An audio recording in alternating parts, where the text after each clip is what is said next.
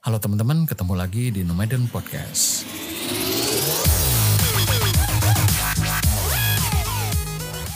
Podcast kecil-kecilan yang membahas hal-hal kecil di sekitar kita yang mungkin memiliki arti lebih dari apa yang sekedar kita tahu. Halo teman-teman, tema episode ini sebenarnya pembahasan singkat dari tulisan gue yang lebih panjang. Ada, jadi gue lagi nulis cuma emang belum kelar-kelar gitu ya. Jadi ini semacam berangkatnya itu dari keresahan pribadi terhadap hal-hal sekeliling. Gue pengen publish tulisan pendeknya aja ya masih belum selesai lah kayaknya nanti jadi setengah-setengah. Jadi ya ya udah sampai sekarang masih gue lanjutin aja itu tulisannya. Cuma gini loh, lo pernah nggak sih ngobrol atau ber apa ya bertukar pikiran sama orang yang pola pikirnya terlalu hitam putih, ah, terjebak sentimen pengkotakan gitu, atau mungkin lo kebetulan berada di tengah pola lingkungan yang udah terlalu homogenik gitu, pemikiran-pemikiran kayak gini tuh biasanya mereka yang berpikir kalau enggak A, maka udah pasti B. Kalau enggak bagus, ya jelek.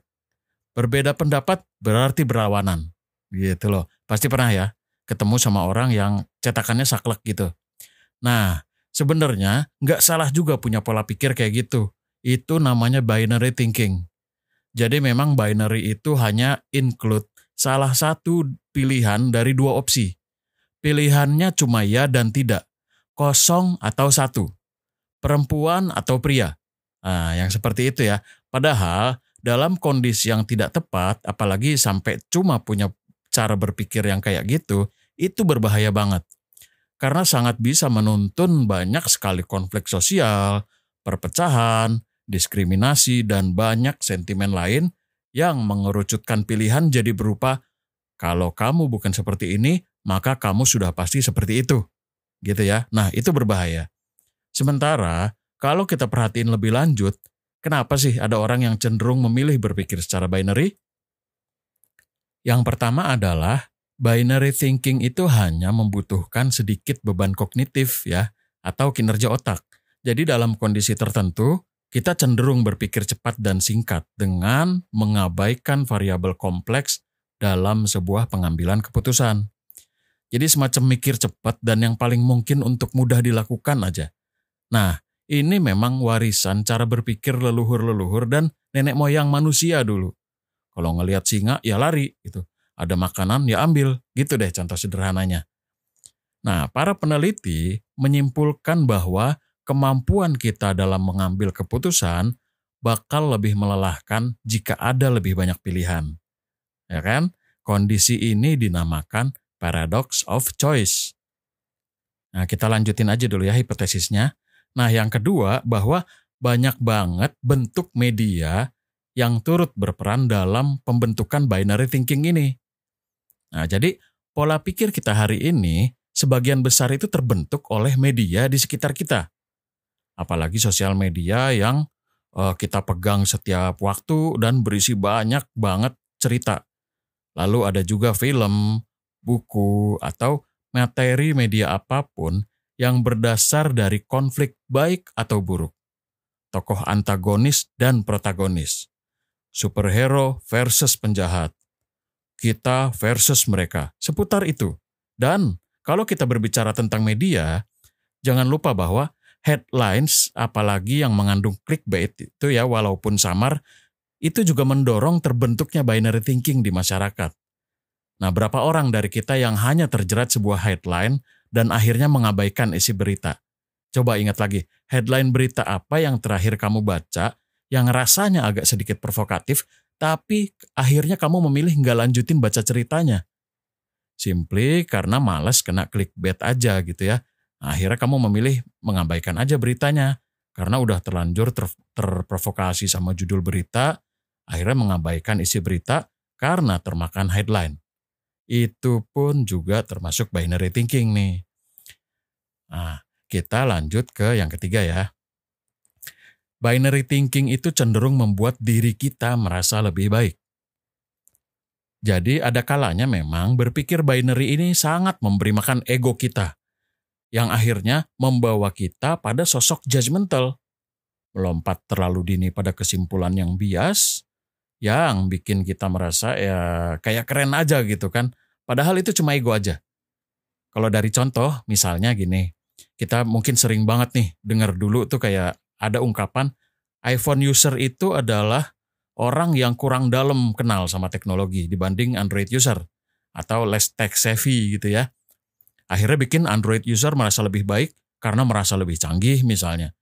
Padahal yang nggak gitu juga, itu kan cuma dua brand berbeda yang jadi pilihan konsumen mana lebih nyaman gitu. Dan masing-masing pun punya price range yang menjangkau juga kok untuk berbagai macam segmen konsumen. Atau yang paling baru yang paling kita sering kita dengar nih, misalnya ungkapan orang-orang yang orang yang nggak invest di cryptocurrency adalah orang yang merugi gitu ya, karena ketinggalan.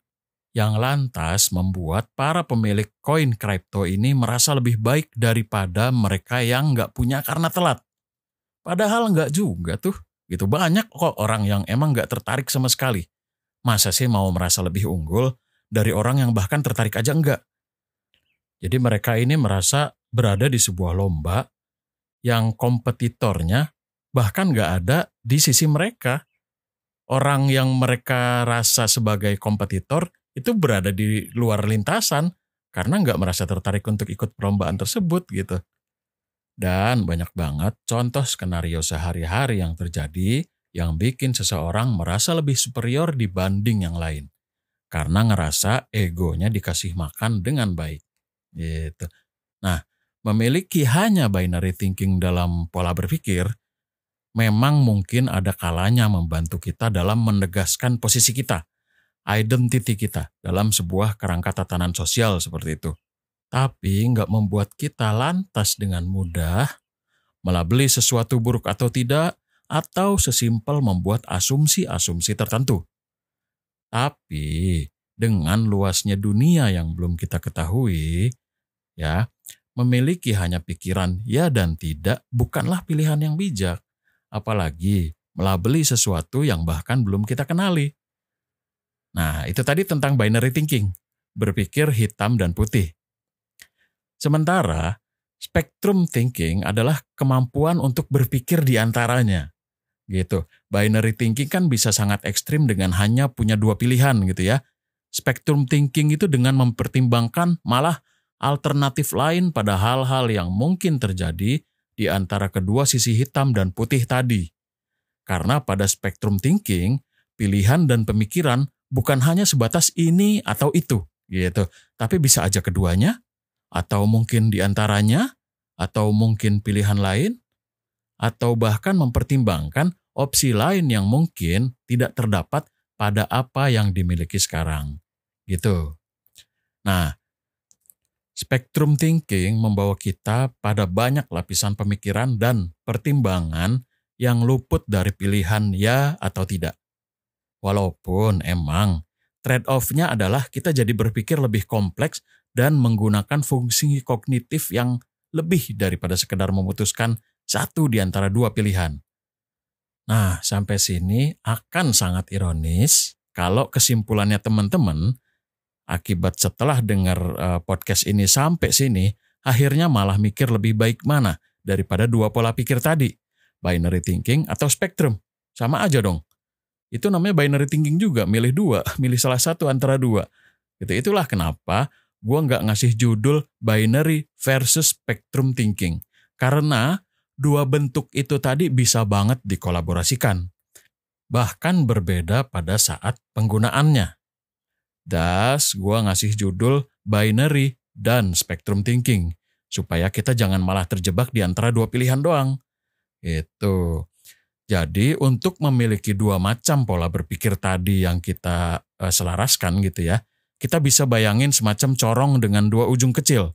Jadi teman-teman tahu corong kan buat masukin air ke botol bekas sirup gitu kalau kita mau bikin air es.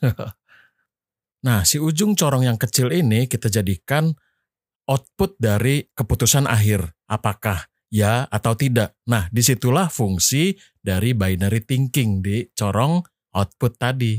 Di bagian mulut corong yang kayak mangkok itu, kita taruh warna-warni spektrum thinking. Karena itu adalah eksplorasi kita terhadap sesuatu untuk mempertimbangkan berbagai opsi dan alternatif. Karena nantinya binary thinking ini yang akan memutuskan langkah mana yang akan diambil berdasarkan analisa macam-macam dari spektrum thinking di awal. Ya, sehingga corong tadi kita bisa kasih nama spectrum thinking dan binary decisions.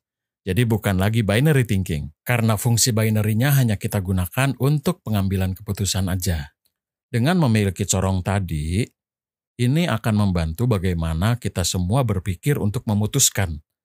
Ya karena segala sesuatu yang lahir pada binary decisions dan sudah diolah melalui corong spektrum apa spektrum thinking wadah besar tadi pastilah hasilnya memiliki value lebih daripada sekedar dua pilihan yang sempit ya. Oke setelah kita bahas tema ini tadi coba teman-teman pikir deh selama ini lebih banyak menggunakan binary atau spektrum? Atau jika memang merasa sudah memiliki corong binary spektrum tadi apakah sudah benar-benar maksimal mempertimbangkan segala kemungkinan dengan mempertimbangkan berbagai faktor pada opsi-opsi tadi. Jadi kamu coba-coba aja. Ya itu akan membantu kita ya berpikir lebih baik kok. Sisanya sih teman-teman bisa memperluas sendiri wawasan teman-teman yang membantu untuk memperluas spektrum berpikirnya. Oke, segitu dulu pembahasan kita kali ini tentang binary dan spectrum thinking. Semoga teman-teman sehat selalu, stay sane, stay positif, dan COVID test negatif. Thank you banget udah mampir di Nomadin Podcast. Gue Indra pamit undur diri dan kita ketemu lagi di episode selanjutnya.